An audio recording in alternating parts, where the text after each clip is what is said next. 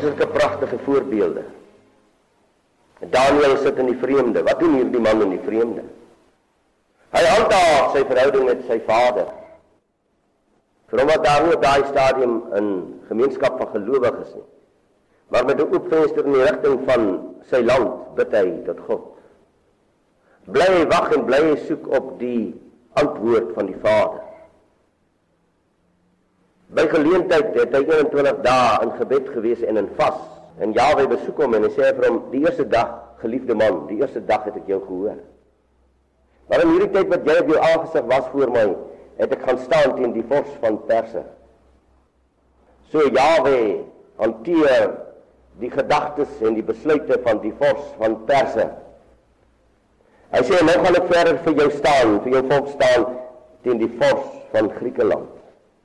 Sodat wanneer Griekeland ook sy verdere strafmaatreël uitoefen, dat hy my volk nie sal vernietig nie. Ek sê dit nou by, dis wat ons daarin waarneem. Dat in hierdie tyd wat jy in hierdie ballingskap is Daniel jy in die volk staan ek teen Perse en kan julle nie uitwis nie. Ek handel sê God. Wanneer die tyd ryp is dan staan 'n man soos Nehemia as die koning se skinker. En dat daar hartseer in sy hart van wie die toestand van sy volk. En Jahwe gebruik hierdie koning, hierdie koning wat nie deel is van hierdie volk nie, om alles tot beskikking te stel sodat Nehemia die stadsmure kan gaan herbou. Dit is die handelinge van die lewende God. En een ek is daaraan gebind vanaand aan die handelinge van Jawe. Ons het sulke pragtige voorbeelde. Dat Jawe handel, hy hy stop nie, hy stop nie iewers in die los sy volk nie. Hy sal altyd iemand stuur. Hy sal altyd 'n leraar stuur. Hy sal altyd een bring wat sê daar's die pad, wandel daarin. Dis jammer dat die Israeliete in hierdie land so weerspannig is dat hulle nie luister nie dat elkeen 'n leraar en 'n leier wil wees. Dit is tog so jammer. So kom nie by die waarheid van die woord uit nie want elkeen gryp iets wat wat sy tydelike vleesarm graag wil hê. In die tyd van Jeremia beleef u en ek weer. Dis die laaste. Daniël sê wanneer die totale volk in verstrooiing is, sal God optree. Ons is besig om in totale verstrooiing te gaan. Daarom is hierdie opbreek en verdeling in allerlei rigtings so volop onder ons. Elkeen met 'n koers, elkeen met 'n pad, want die verstrooiing moet voluit word. Dit is net hulle wat waaragtig klein gaan by by hierdie Bybel wat op pad sal bly, die alles sal almal uitgesit word. En as Jeremia hierdie volk waarsku, gaan uit na die Galdeërs toe, hulle sal niks oorkom nie, gaan uit na die Galdeërs toe. Dan ignoreer hulle. Dan kom die magte van die Galdeërs in in hulle maak dood en hulle verwoes. Maar daar bly nog 'n klompie oor, want nou is die heerskappy daar deur die koning, deur hierdie magtige koning. Ek kan nou maar daai hoofstukke gaan lees, daar hoofstuk 38, 39, 40 van Jeremia. As ek dit alles moet lees, is dit te lank. En daar word Gedalia aangestel deur die koning van Babel om nou in die oorblywende volkie daar te regeer. En dan eh, dan kom daar 'n man met die naam van Ismael op En hy sê net kom ons gaan na die Ammoniete toe. Kom ons trek weg na die Ammoniete toe. Ons staan nie onder die Galdeërs nie. Kan nie hulle staan nie, ons gaan wegtrek. En hy maak dood en hy verwoes. Elkeen wat hier ons staan hierdie is maar hy het 'n bende vir hom gestig en hulle vermoor en maak dood. Totdat hy dan wegvlug met 'n klompie na Ammon toe. Johanan bly dan oor as leier vir die volk. Met hierdie goeters hoor, die baie leiers. Dan bly Johanan oor as leier van die volk. Dan kom hulle na Jeremia toe, dan sê hulle Jeremia, asseblief, ons het al gesien wat so ver gebeur het. Ons het al gesien dat dit wat jy vir ons teen kom waarsku is, is waar. Gaan hulle na Jahwe toe en vra vir hom wat moet ons nou maak?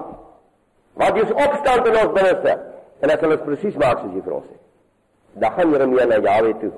Dan sê Jahwe vir Jeremia, hulle wil nou Egipte land toe trek span. Dis hulle beplanning. Hulle gaan Egipte land toe trek. Sê vir hulle, Hulle moenie Egipte land toe trek. Dan gaan Jeremia sê vir hulle, die antwoord wat ek vir julle het is bly in die land. Doen julle werk. Moenie Egipte toe trek, julle gaan verwoes word in Egipte land want God gaan Egipte oorgee, prys gee. En ons sê ons sal doen wat jy sê. Dan sê hy nee man, ons maak soos ons wil. Dan gaan hulle Egipte land toe en hulle onder forsering vat hulle vir Jeremia self.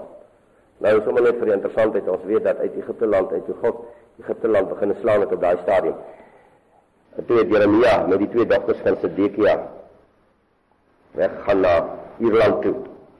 En dit is waar ons nou nog die baie interessante het dat die Jakobsteen met die twee draagringe uh, is nou nog in hy was in Engeland vir 'n lang tyd. Hy's nou die so verlede jaar wanneer hy teruggevat weer na Skotland toe, na die dorpie Skon toe waar waar hy altyd gewees het en waar al die konings gekroon is op hierdie klip.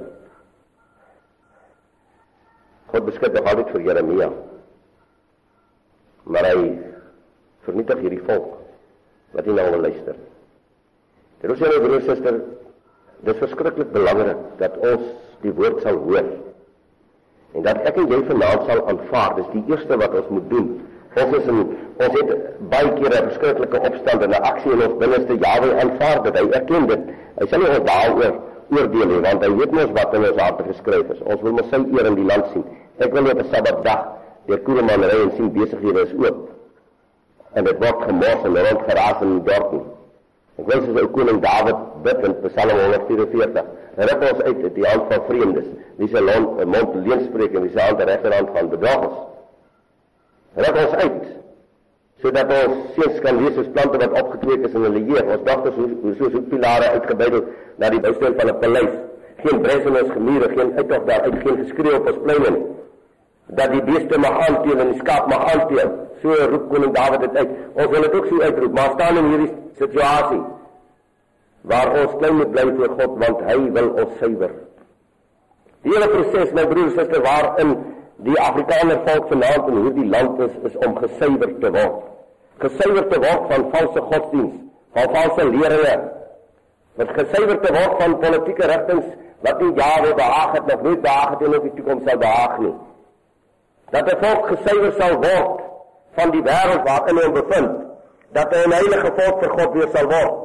Om te luister na die stem van Jahwe is beter dan offerande. Om hom te gehoorsaam is beter as 'n klop godsdiens. Dalk ons is elke dag op die altaar, maar ons doen nie die wil van die Vader volgens sy woord nie. Dis opstand teen Jahwe. Dis opstand teen sy handelinge, so die eerste aanvaarding een ek aanvaar vanaand.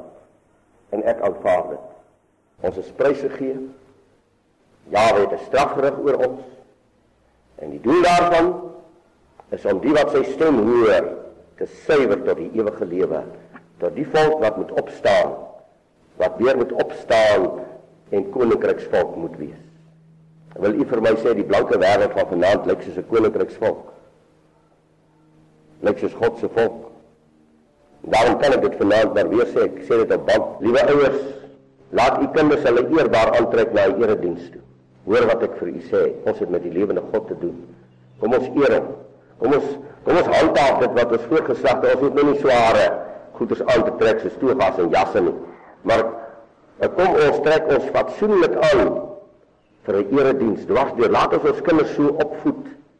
Laat ons hulle leer wat beteken dit om in stilte Jahwe te aanbid en eerbied Jahwe te aanbid want hy is heilig en ek kom in sy teenwoordigheid in, ek kom in voor sy aangesig.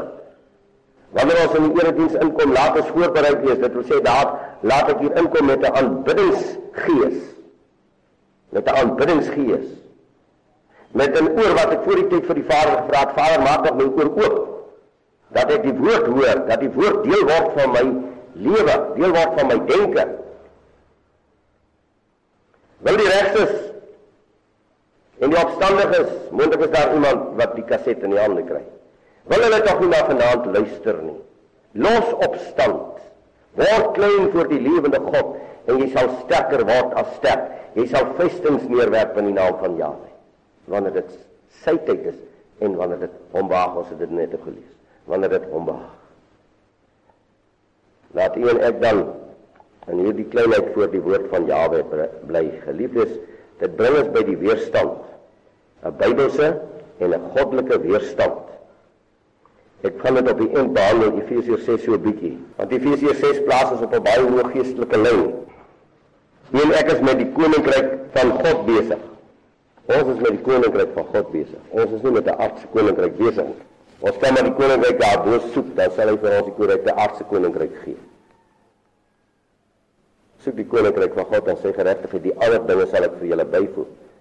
So dan sal hy vir ons op die korrekte leier hier gee in die land. Hy sal die korrekte regering vir ons gee wanneer ons sy koninkryk soek. En natuurlik geliefdes vir u en vir my, dwars deur die skrif is dit duidelik, is daar twee twee lyne van herstel. Die fisiese lyn van herstel en die geestelike lyn van herstel. Sodat dit sal waar word in Suid-Afrika dat hier geen besigheid op op 'n Saterdag sal oop wees. Sodat daar geen geraas in die strate sal wees. Sodat daar nie plastiek bottels en blikke op papier sal rond lê. Sodat elke knie sal buig en elkeen sal bely daar is net een. En hulle sal hom vrees met 'n verskriklike vrees. Selfs die heidene sê, as dit nou Hosea wat sê, hulle sal kom en sê, kom leer ons, leer ons tog hoe moet ons maak terwyl hulle eie gode dien staan daar. Kom vra hulle hoe moet ons maak dat dit met ons ook goed kan gaan. So die, dit gaan herstel word. En hierdie fisiese herstellingslyn is geweldig wonderlik geliefdes want as ons nou luister na die barmhartige Samaritaan, eh, dan staan daar en hierdie barmhartige Samaritaan het hierdie geslaane, hierdie volk soos ons dit sien, het die volk teruggevat na die herberg en dan sê hy vir die herbergier, wanneer ek terugkom, sal ek nog kom betaal wat kort kom. En wat kom nog kort? Hy het reeds sy lewe vir ons gegee tot verzoening van ons sondes, tot genesing van ons wonde.